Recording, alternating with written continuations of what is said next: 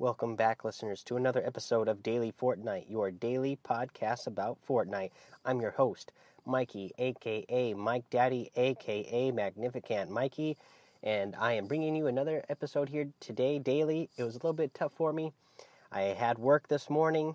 I got a call from my second job, went straight to the second job, but I found a little break here that I'm able to get a episode recorded.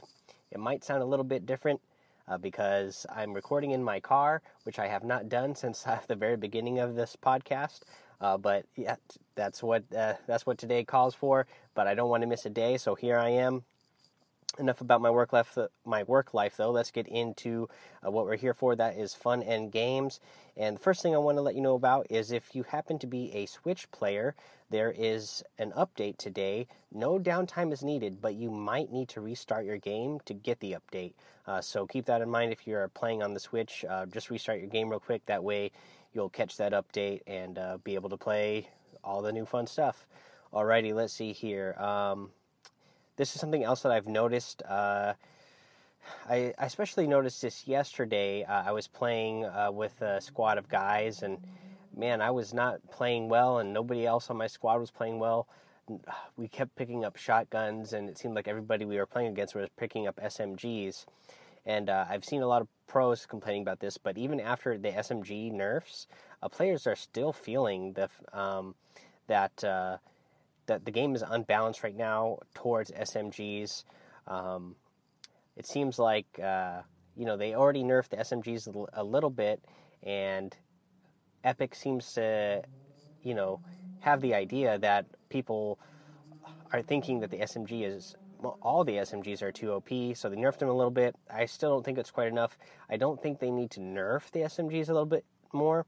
I think if they just buffed the shotguns they'll back up a little bit, you know, gave them a little bit more damage again and a little less uh, pause between shots again, then it would feel a little bit more balanced out if they went ahead and did that. So hopefully uh, they'll get that uh, into the game soon. Let's see here. What else? Uh, so tomorrow, guys, is the week four challenges are going to be up. So be looking forward for that uh, to that episode tomorrow, so I can tell you all the challenges that we're going to get. Uh, today, I have a tip, and this tip comes from Questing Knight. So let's get to that. Hey, Mikey, Questing here. I'd just like to share a quick tip that saved me in the late game several times.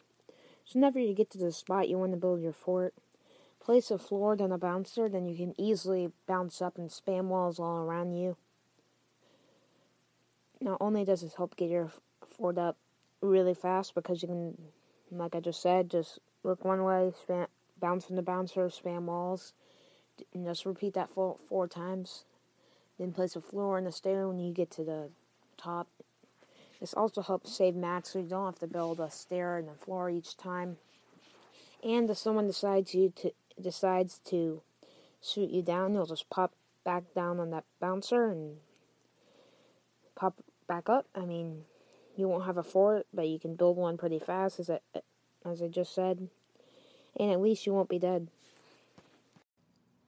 All right, and that was our tip from Questing Knight. Thank you, Questing Knight, for that tip. Helps me out, especially since I didn't have much time today uh, between the two jobs to look up any more uh, tips to give you. Uh, but Questing Knight came through and gave us one there. Uh, we've kind of talked about something similar to this before when uh, the ATK first came out this season. Uh, you know, I gave you that tip to use the bouncer on top of the ATK to do that. Uh, Questing Knight brings up a good point that you can also use the bouncer trap for that as well.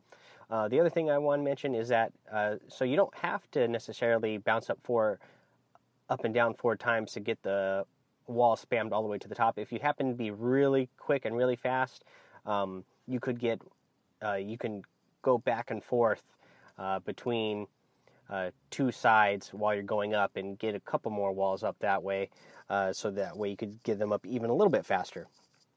Alrighty. Let's see here. What else did I want to get to?